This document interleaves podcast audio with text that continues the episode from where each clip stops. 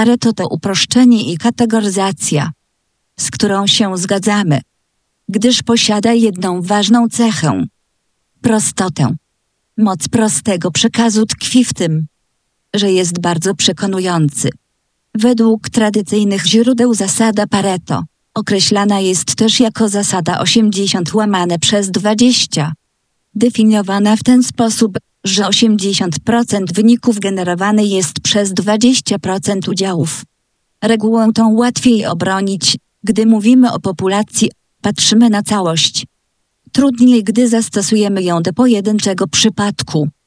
Patrzymy na grupę z daleka, wtedy postrzegamy ją inaczej. Wybierzmy reprezentanta z tej grupy, wtedy okaże się, że pojedynczy osobnik nie do końca posiada wszystkie cechy, które przypisaliśmy grupie. Wiem o czym myślisz, ale nie chodzi mi o przypadek masowej migracji do Europy. Nie będę się upierał, że wszystkie argumenty uda się poprzeć twardymi liczbami. Więc dla uproszczenia umówmy się, że to tylko eksperyment myślowy,